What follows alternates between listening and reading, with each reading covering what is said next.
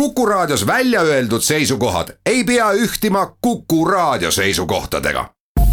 Te kuulate Kuku Raadiot.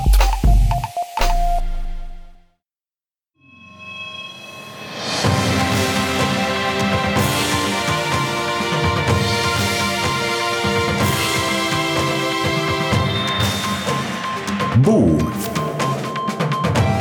saadet toetavad Swedbank ja EBS, nähes ja luues võimalusi tere päevast, on kaheteistkümnes september, kell on saanud äh, seitse ja pool minutit, üksteist läbi, oleme taas eetris Buumi saatega. saatejuhid nagu ikka Anto Liivat ja Ott Pärna. tänase uudisteploki avame aruteluga selle üle, mida soovib Euroopa Liit äh, võita niinimetatud rekkarevolutsioonist, äh, plaanides aidata kaasa sellele, et veokid peamiselt liiguks elektri ja vesiniku jõul teise teemana vaatame otsa Taxify uuele brändile nimega Bolt, mille alt nad uue ärisuunana elektritõukekaid rentima asuvad arutleme ka selle üle, kui palju vabadust peaks inimestel olema organisatsioonis otsustada ise selle üle, mida, millal ning kuidas teha. Ja uudisteploki lõpetuseks ja, ja ka suve lõpetuseks arutame selle üle, et kuidas siis puhkusejärgse stressiga toime tulla. Meie tänane saatekülaline on EBS-i majandusteooria ja rahanduse õppetooli lektor, pikaajalise kogemusega tippjuht Urmas Kaarlep, kellega vestleme perevara haldamise teemadel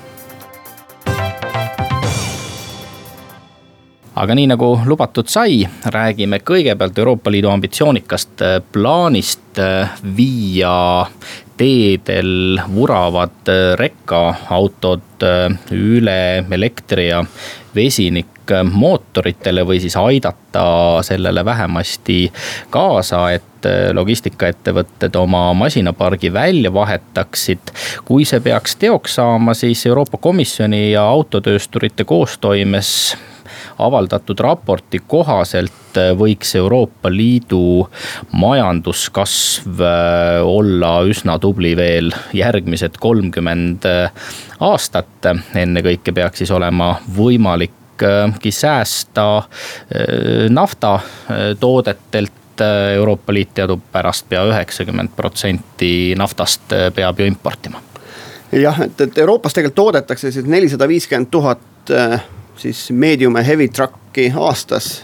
Medium truck'id on siis kolm pool tonni kuni viisteist tonni ja heavy truck'id viisteist ja üles tonni. kaheksakümmend protsenti nendest nelja poole sajast tuhandest on siis heavy truck'id ehk siis rasked, rasked veokid ja seal on siis terve pilutäis ka selliseid kuni kolme poole tonniseid väikeseid asju aga neid rekkaid on jah kõvasti tee peal, kõige rohkem vurab neid ringi Prantsusmaal, siis on neid Saksamaal. tegelikult seitse riiki Euroopas teevad suure osa kogu truck'ide või suurte veokatega tehtavast veondusest.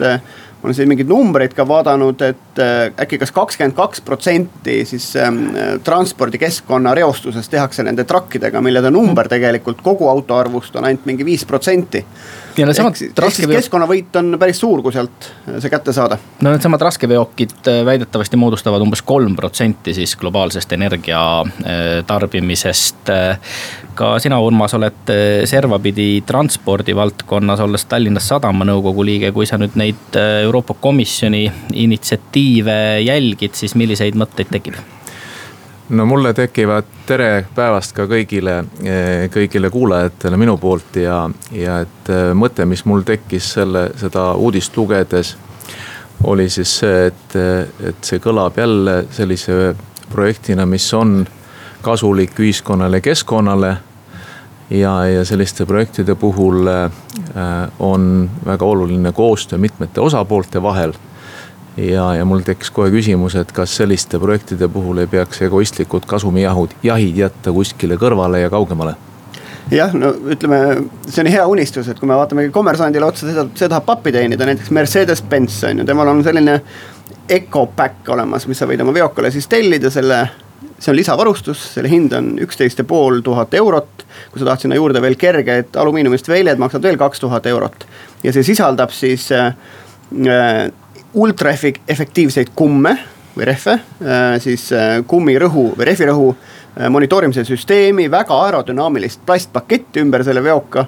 ja sinna otsa veel siis cruise control'i või siis veo, või siis äh, autopilooti, mis on siis predictive ehk siis ettenägelik, ju ta siis näeb ummikuid ja teisi asju, vigureid ette. ehk siis tegelikult seesama tavaline autokama müüakse sulle sinna otsa veel kümne tuhande dollari eest. mis õnneks küll arvestades, kui palju rekkad sõidavad, on tegelikult ainult üks neljandik kütusekulust, mis ühele rekkale sisse valatakse no.. teadupärast üks rekka sõidab aasta jooksul maha kuskil nelikümmend tuhat eurot kütust no tõtt-öelda ikka väga paljud autotöösturid, eh, ennekõike veokite tootjad on juba hakanud eh, elektriveokeid eh, tootma ka.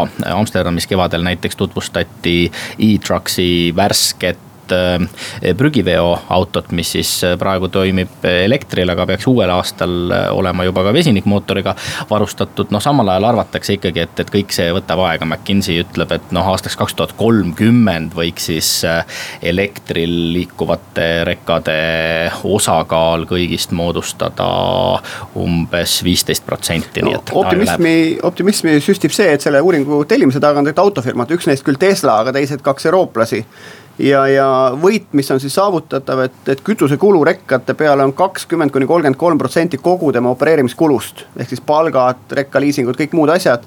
ehk siis üks kolmandik on tegelikult kütus.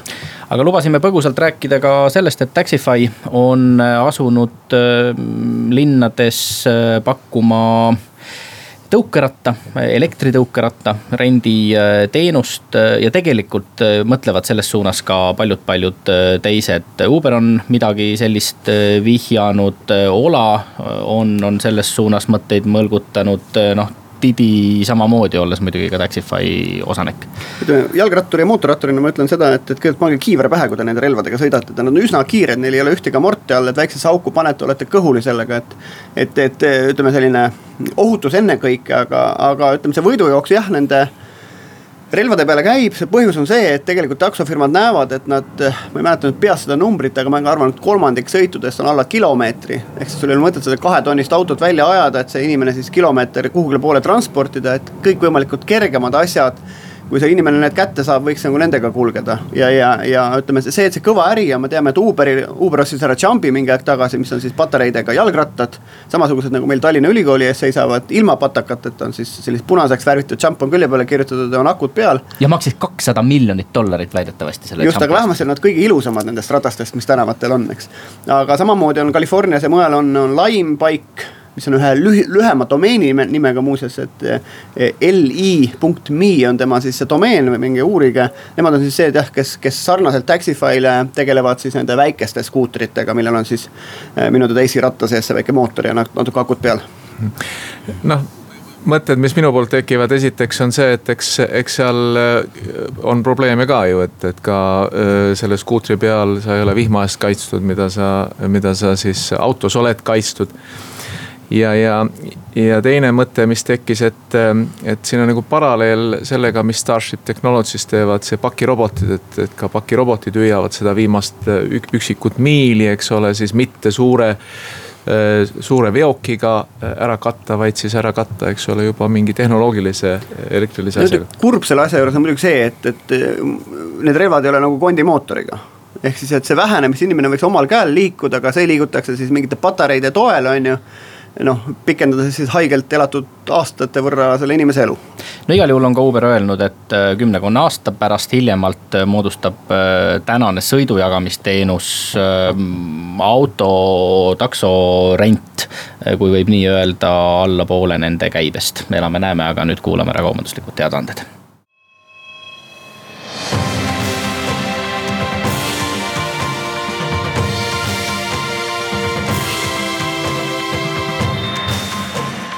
Buum.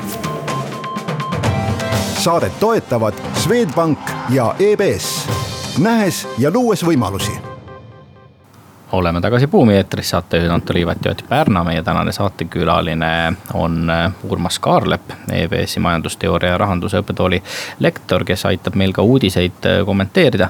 räägime nüüd äh, sellest, kuivõrd palju peaks andma töötajatele organisatsioonis vabadust ise otsustada, millal, mida ning kuidas teha. Brian Carney ja Isaac Getz on Harvard Business Reviews kirjutanud meile mitmetest ettevõtetest, sealhulgas Michelinist ja Carrefourist kes on äh, üha rohkem otsustusõigust andnud madalamatele juhtimistasanditele ja räägivad sellest, et üha vähem peaksid juhid tegelikult kontrollima seda, mida ja kuidas ning millises järjekorras nende alluvad teevad ning rohkem laskma siis inimestel ja meeskondadel ise otsustada, kuidas plaane kõige parem on ellu viia ja sellest me oleme siin saates ennem ka rääkinud, et see frontline worker ite või esi, esiliini töötajate roll tegelikult äh, täna kasvab. Äh, ühelt poolt seetõttu, et kes, keskmise taseme tööd võetakse ära, kas siis tehisintellekti või arvutite või, või muude asjade poolt, me näeme haigekassa näide, kus tegelikult täna koondatakse just nimelt keskastme juhte, eks võetakse üks kiht vähemaks, on ju. see tähendab seda, et, et autonoomsus allpool saab olema suurem. aga mis head näited, mis nad siin tõid, on näiteks Decathlon, mis on üks minu teada prantsuse taustaga pood Eh, kes müüb tegelikult sellist kõikvõimalikku matkavarustust. et kui te näiteks Rootsi lähete, seal noh, kõrvuti teiste toidupoodidega on ka sellised poed, väga äge, esiteks sa saad oma telgid ja asjad seal hästi odavalt kätte, kusjuures kvaliteetsed. ja tõesti, see pood on selliselt mugavalt nagu üles ehitatud. Ja mida nad siin väidavad, ongi see, et, et siis nii-öelda töötajatele on antud siis eh, vabadus ise oma siis ala poes nagu manageerida ja tuleb välja, et, et müüginumbrid ja tervenisti selle Decathloni käive on selle võrra, ühesõnaga nendel aastatel, mis on antud töötajatel vabadus ise oma ümbrust korraldada, kasvanud. sa oled, Urmas, huvi tundnud organisatsiooni arengufaaside vastu ka ise eh, juhtimistreener või eh, coach, millise pilguga sina vaatad sellistele eh, täiendavat vabadust andvatele algatustele organisatsioonides? ma arvan, et, et, et see on on kindlasti äh, tänase maailma tulevik, et, et nende organisatsioonide üks kreedo on see, et inimesi usaldatakse seni, kuni ei ole tõestatud vastupidist, et noh, ma peaks ütlema ise audiitorina, ma olen kogu oma elu kuidagi seda asja küll vastupidi nii-öelda lähenenud. Aga, aga, aga see äh, ongi üsna suur, suur nii-öelda sellise maailmavaateline muutus ja noh, kui me kujutame näiteks tänast maailma ette, kus kõik muutub väga kiiresti ja kui nüüd siis ähm, põllu peal projektijuht äh, märkab mingit võimalust, mis ta teeb, läheb oma ülemuse juurde, keskastme ülemuse juurde, ütleb? Mul selline idee, keskastme ülemus ütleb? Väga hea idee. teeme projekti, noh kirjutatakse projekt, lähme see järgmise ülemuse juurde, järgmine ülemus ütleb ja väga hea idee. viime, viime juhatusse, juhatus just sai kokku nädala aja pärast on juhatus. Läheme nädala aja pärast sinna, noh juhatus ütleb, et väga hea idee, aga selle jaoks on vaja eelarvet, eelarves muudatust teha, see on nõukogu küsimus, nõukogu just sai kokku, nõukogu tuleb järgmine kord kuu aja pärast siis kui lõpuks siis nõukogu ära kinnitab, tuleb alla ülevalt alla, siis on kolm kuud möödas. ja juba keegi kuskil on juba selle võimaluse ära kasutanud ja võimalus on läinud. nii et kui oleks olnud võimalus nendes ettevõtetes, projektijuhil on õigus seda ise teha. jah, ta peab küll nõu küsima. tal on kohustuslik küsida nõu kellegi käest ja, ja sellisel juhul on tal tegelikult oma otsustus ka kulutada see eelarvet ja mida nad siin ka räägivad, on see, et see keskastme juhi või siis selle ülemuse, kes iganes või kui kõrgel see ülemus siis on. roll ei ole mitte enam siis nagu direktsioonide jagamine ja kuidagi selline kontrollifunktsioon, vaid pigem selline coach imine ja toetamine, et kui tegelased siis selle lokatsioonis on ise mingi lahenduse välja mõelnud, siis noh, neid toetada nende asja siis õnnestumisel. ja, ja nad nimetavad, see Harvard Business Review see artikkel nimetab neid organisatsioone või corporate liberation või ehk liberaalsed organisatsioonid ja mitte ainult siis võib-olla see, et nad kõikide vaadete ja värvidega inimesi palkavad, aga ka just nimelt selles mõttes, et töötaja otsuste mõttes on see organisatsioon liberaalne. ehk siis, kui te järgmine kord mõnele töövestlusele lähete, siis küsige selle intervjuu kelle, kes teiega seda intervjuud läbi viib, et, et kas tegemist on liberaalse organisatsiooniga või kolhoosi moodi juhitud majaga? see muidugi eeldab väga suurt äh, muutust nii juhi mõttemaailmas kui ka organisatsiooni kultuuris laiemalt Äh, kuni pisiasjadeni välja. selmet hommikul tööle tulles jagada alluvatele käsklused, kes mida, mis järjekorras tegema peab. tuleks äh, sellisel puhul pigem küsida oma meeskonna liikmete käest, äh, mis takistab teil oma tööd hästi tegemast ja püüda aidata neil siis need takistused kõrvaldada ma tahaks siia veel lisada seda, et, et, et rääkides ühe, ühe Eesti inimesega, kes üritas seda, seda teha või oma organisatsioonis, ütles, et kõige keerulisem on see, et mitte otsustada. et kui tuleb keegi alluv, küsib, et mida ma teen, ma tean ju vastust. aga tegelikult ei tohiks öelda ja järgmine, mis on keeruline, kus tavaliselt sellised asjad ka, ka äh, untsu lähevad, on need, kui asi muutub raskeks ja, ja muutuvad mingisugused äh, tagasilöögid tekivad. ka sellisel, sellisel juhul on, on äh, noh, ütleme tavaliselt kiputakse juhtide poolt jällegi see vaba, vabadus, otsustamisvabadus ära võtma. mul on au elu jooksul olla näha kõikvõimalikke ministreid kõrvalt ja nende alluvuses on nendega koos töötanud ühel, ühes või teises postis, aga üks, mis mulle meenub, on kunagi majandusministeeriumi aegadest, viisteist aastat tagasi. oli meil selline minister nagu Liina Tõnisson kes oli lugupidamine tema suhtes, et üks väheseid selliseid tõesti majandushariduse taustaga on majandusministreid. aga ma mäletan, tema puhul oli alati see, et, et paku mulle välja kolm varianti ja aga ütle, milline on parim. Et ära anna mulle otsustada seda, et võta ise see vastutus. Jah, ja, ja noh, muidugi egost peab ka ikkagi jagu saama, sest noh, väga paljud juhid on tegelikult ikkagi harjunud peamiselt äh, jagama inimestele ülesandeid, mida ja kuidas teha, langetama otsuseid ja siis pärast kontrollima nende, nende täitmist. aga nüüd pigem tuleks öelda siis võib-olla ette tõesti selline visiooniraamistik, kuhu me tahame jõuda. ja, ja panna, nagu sa ilusti, Urmas, ütlesid, vastu kiusatusele pakkuda ise teinekord tegelikult ka ennatlikke lahendusi ja.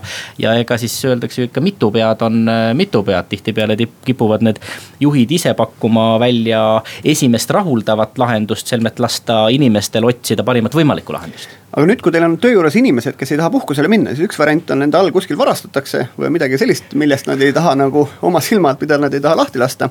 aga teine põhjus võib olla see, et inimestel on puhkuseeelne stress või nad kardavad puhkuse järgset stressi.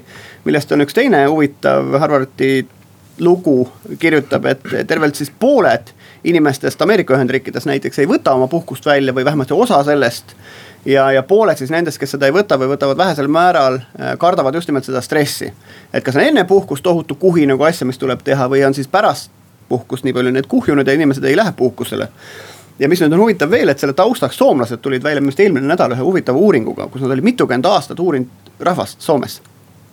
ja, ja vaadanud neid inimesi, kes siis, äh, kellele perearst andis soovituse oma elukombeid muuta, jäta suitsetamine maha, ära joo, võta kaalus alla ja neid, kellele öeldi lihtsalt, et käi puhkusel ja ära paranda midagi oma elustiilis. ja kusjuures need, kelle, kes ei pidanud midagi oma elustiilis parandama, elasid pikas perspektiivis kauem kui need, kes, kes pidid oma elustiili muutma.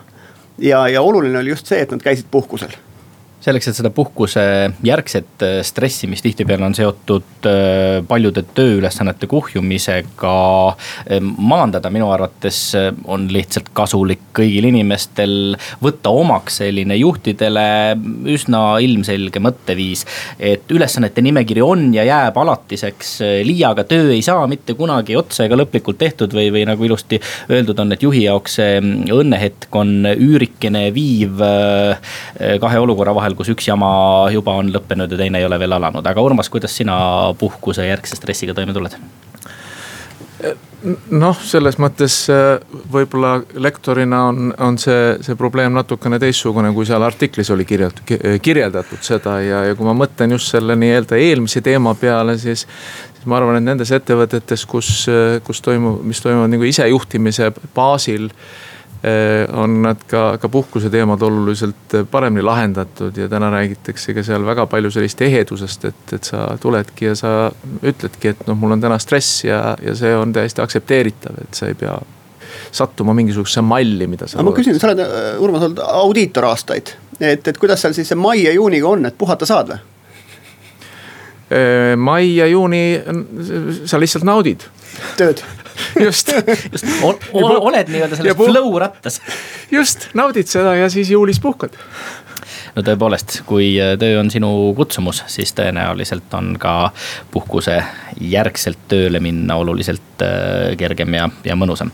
meie kuulame nüüd ära päevauudised ning äh, pärast seda vestleme Urmas Kaarlepiga perevara haldamise teemadel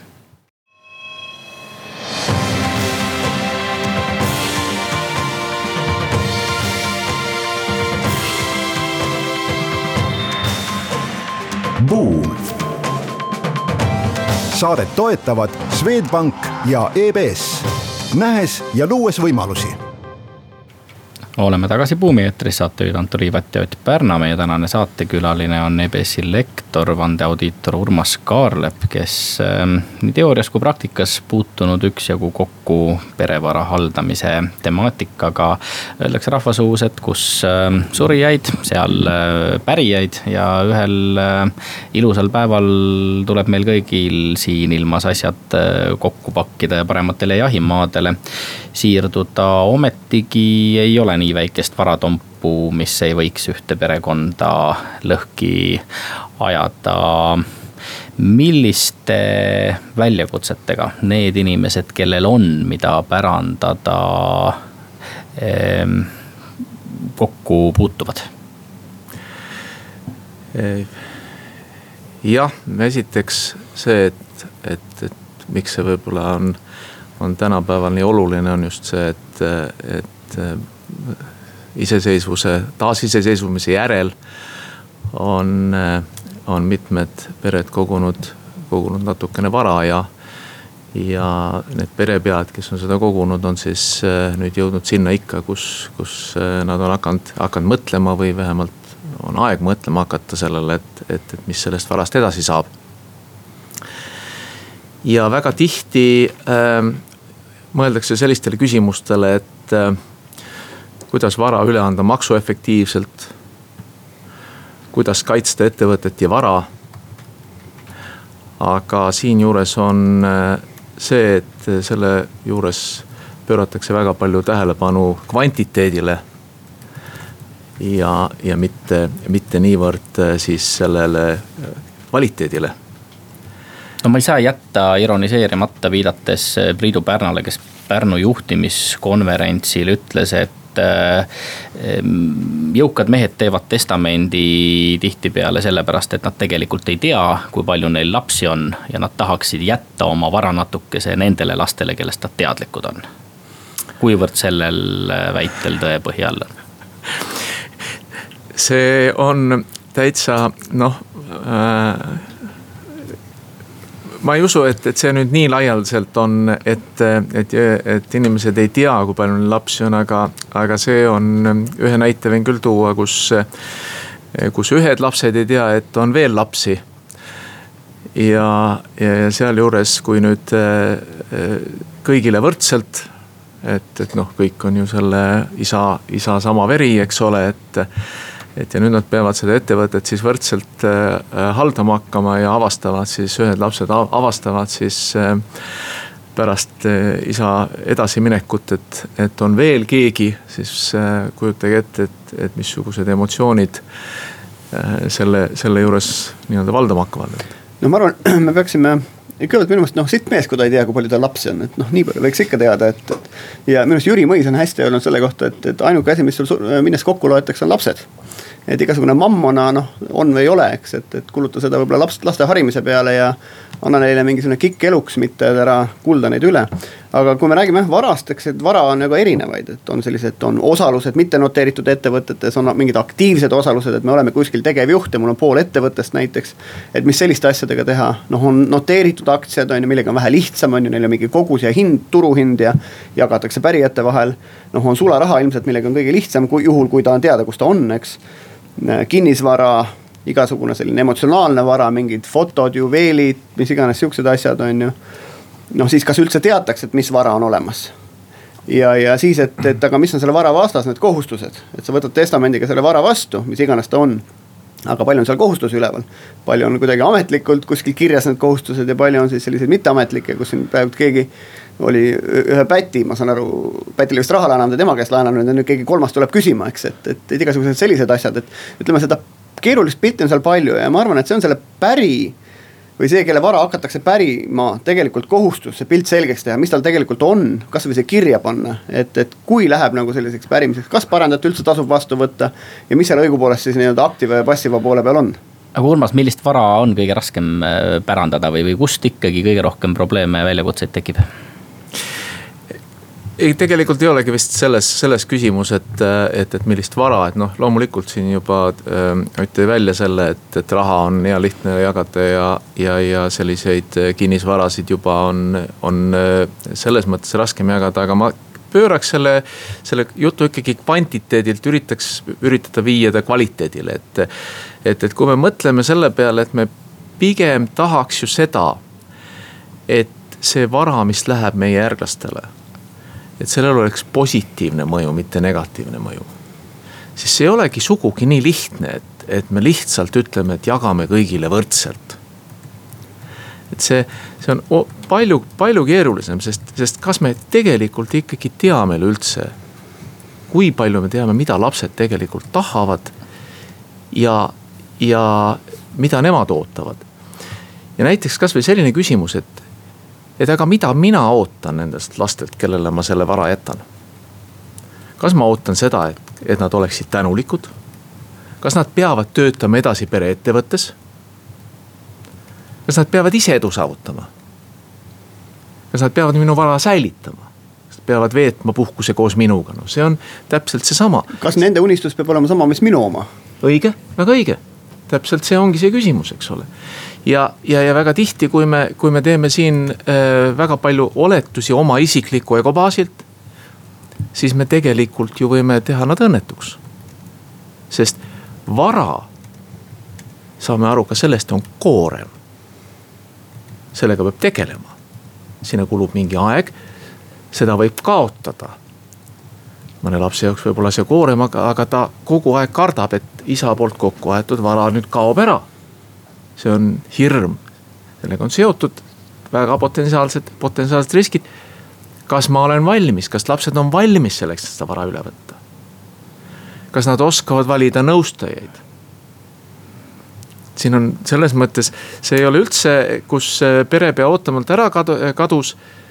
abikaasa juurde ilmus väga palju lohutajaid, kes kõik teadsid, mida selle varaga nüüd teha. Ja tulemus oli see, et vara sulas ära. vara väga kergelt sulab sellistes situatsioonides ära, jah mida siis äh, pere peale soovitada võiks, noh, me kõik teame, äh, milline siin meie keskmine eluiga on. Ähm, ja, ja sellist äh, ettevõtja, stressirohket elu äh, elavatel inimestel on see teinekord mõnevõrra lühem, et millal ja mille peale siis tegelikult mõtlema peaks?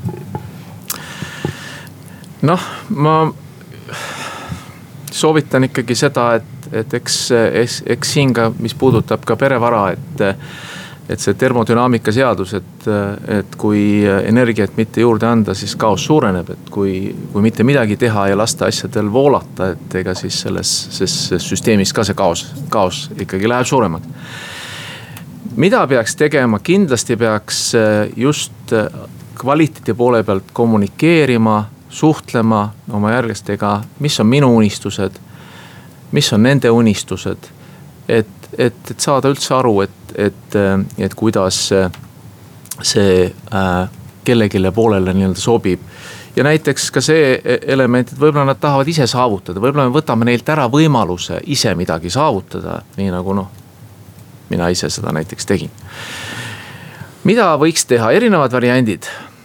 noh, äh, üks variant, mida väga palju kasutatakse, tehakse nii-öelda perekonnaharta. kus siis kirjeldatakse ära kõik mis sellest varast saab, kuidas saab.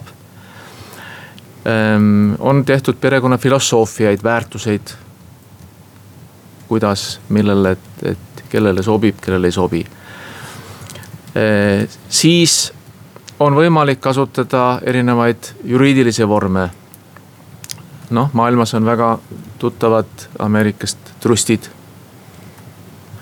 Ehm, Eestis on sihtasutused, on olemas Eestis ka käsunduslepingud, käsundusleping on samasugune nagu, nagu trust põhimõtteliselt, ainult et trustis on ka, ka kaitstud varaomaniku pankroti vastu, käsunduslepingu puhul mitte. sinu lahkel loal nendest juriidilistest vormidest ja sellest, kuivõrd Eesti õigusruum on äh, kohandatud või valmis perevara haldamiseks, räägime juba pärast reklaampausi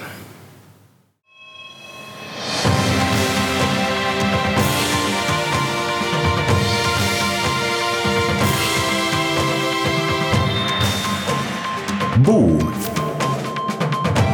saadet toetavad Swedbank ja EBS nähes ja luues võimalusi oleme tagasi Buumi eetris, saatejuht Anto Liivet ja Ott Pärna, meie tänane saatekülaline on EBS-i lektor, vandeaudiitor Urmas Kaarlep, kellega räägime perevara haldamisest.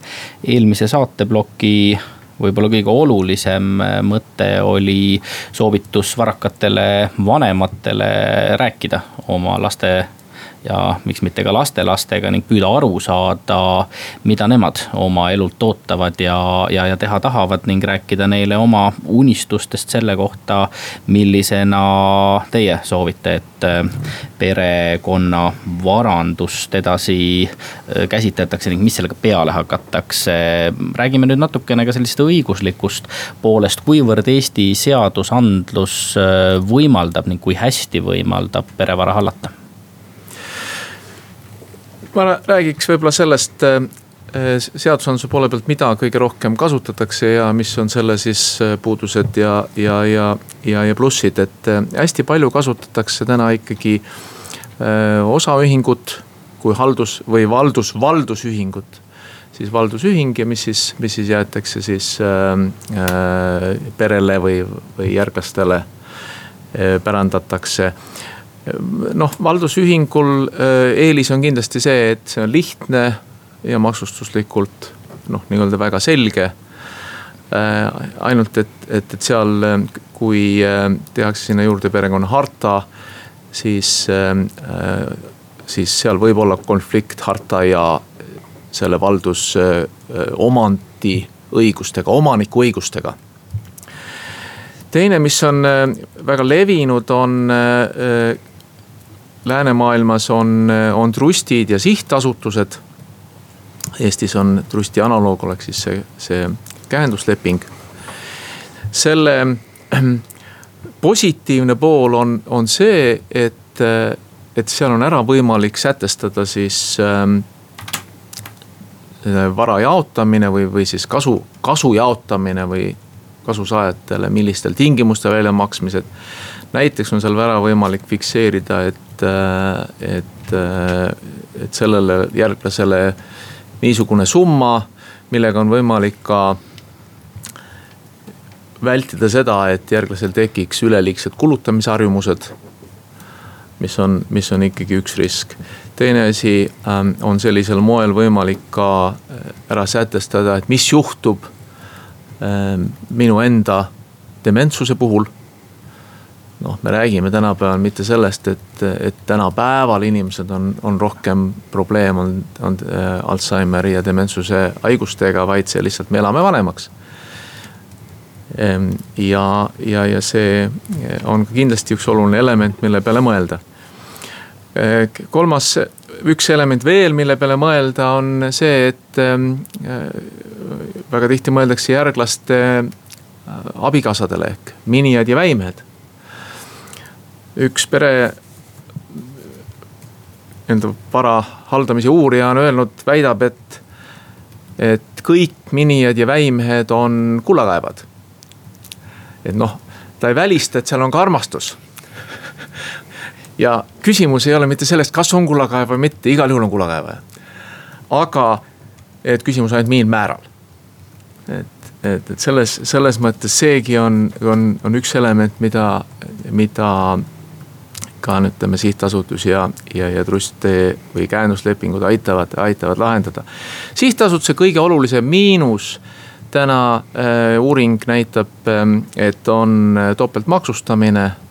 ehk kui lõpuks kasusaajatele välja maksta äh,, see siis äh,, siis on ta kahekordselt maksustatud, mis osaühingu puhul on ühekordselt maksustatud Eesti maksusüsteemis käenduslepingu puhul jällegi on teine miinus, et see ei ole kaitstud äh, omaniku pankroti vastu.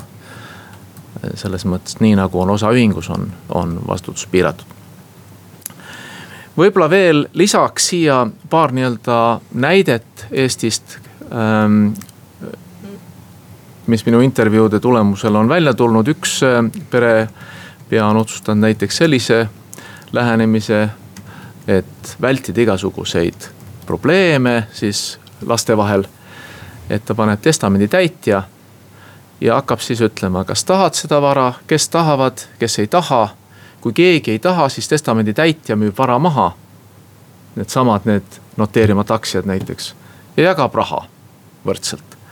ehk tegelikult ta väldib põhimõtteliselt seda, et ühe vara omanikuks saab korraga mitu last, kes saavad siis nii-öelda riide, riidu minna omavahel no selle omaette küsimus on siis selle mitte noteeritud vara väärtuse hindamine versus raha, on ju. no aga ta müüb maha selle no, turul. ma mõtlen, aga siis, kui ta võetakse vastu, noh ma võtan kellegi mingi osaühingu vastu, on ju, kui jaotatakse veel asju, et. et noh, nii-öelda müümata sellise osaku väärtus on teadmata. noh, selleks ongi see testamendi täitja, kes selle, selle vara hinna määrab. ja siis kuni sinnamaani välja, et, et kus siis äh, äh ka mõeldakse niimoodi, et äh, et see vara on minu laste jaoks koorem. ja ma ei taha, et minu lapsed äh, peavad siis kartma kogu aeg, et see vara ära kaob. ja lõpuks avastavad, et elavad täiesti mõttetut elu. et, äh, et seal on siis, äh, mõtleb, et jätta oma lastele mingisugune kindel kogus, mis nende, antaks neile piisava elamise, piisava nii-öelda leiva ja piima lauale ja hariduse ja sellest on nii-öelda piisav selleks, et äh, elada täisväärtuslikku elu. no see on umbes nii nagu Warren Buffett, et igale järeltulijale miljard ja võiks ju hakkama saada küll aga Soomes on eraldi ka pere sihtasutuse äh, vorm olemas, kas me peaksime Eestis ka millegi sellise peale mõtlema, viidates tagasi sinu äh, jutu algusele, et Eestis on täna üha rohkem neid inimesi, kes äh, peavad mõtlema sellele, kuidas oma järeltulijatele vara pärandada jah, paljudes, paljudes riikides on oma eraldi siis selline era- või pere sihtasutuse seadus. Soomes on kohe noh, välja toodud, et, et on nihuke sugusäädio ja ma arvan, et see kindlasti peaks olema, et see, see sihtasutuse teema ei ole üldse mitte saja kõige rikkama äh, inimese teema. minu juurde tuli üks, üks mees, kes ütles, et tal on üks maatükk, mis maksab ainult kolmsada tuhat eurot ja kuna keegi lastest seda, seda kuidagi nagu ei taha, põllumajandusmaa, et siis ta paneks selle sihtasutusse ja siis jätaks siht, sihtasutuse nõukogusse paneks lapsed, et las nad siis, siis ise nii-öelda siis otsustavad, mis nad sellega teevad. ja kuidas nad sellega edasi margivad, see ei ole üldse nii-öelda nii suur. et ainult, ainult rikaste teema ja pere sihtasutuse just üks, üks teema on see, et ta on lihtsam kui tänane sihtasutus, kus on kolm nõukogu liiget, juhatus pere sihtasutuses on lihtsalt juhatus ja samuti ka juhatuse liikmed võivad olla kasusaajad, et see on lihtsus, on just see kõige olulisem kui nüüd äh, perepea on äh, lahkunud ja ei ole teada, kas ta testamendi tegi või ei teinud või, või mida ta ikkagi soovis oma varaga peale hakata, siis äh, kelle juurde järeltulijad peaksid esimese hooga pöörduma? No reaalsuses on see, et iga järeltulija leiab oma advokaadi, kes soovitab tal siis, kuidas see, selle konkreetselt saaks sellest potist kõige suurema vara kätte. ja, ja enamasti sellistes situatsioonides ei ole sugugi äh, harv, haruldased, kus, kus see asi lõpeb kohtus ja, ja, ja advokaadid teenivad palju raha. no tegelikult üks võimalus on siin veel, et oma, oma see mainevara nagu ennem äraminemist nagu ära jaotada. et see, mille üle perekond võib tülli minna, et see nagu minimeerida ja noh, teine variant on muidugi kasvatada Just. lapsi selliselt, et nad nagu ei lähe tülli omavahel ehk valmisolek tegelikult seda vara üle võtta, see on tegelikult väga oluline, väärtused, arusaamine ja nii edasi. ja see on aastatepikkune kasvatustöö ettevalmistus? see on aastatepikkune kasvatustöö, see on väga varasest lapsepõlvest. meie saateaeg siin täna hakkab äh, ümber saama aitäh, Urmas, meile saatekülaliseks äh, tulemast.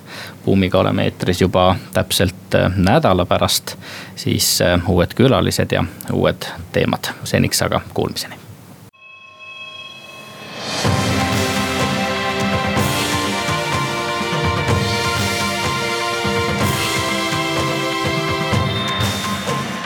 Buum. saadet toetavad Swedbank ja EBS, nähes ja luues võimalusi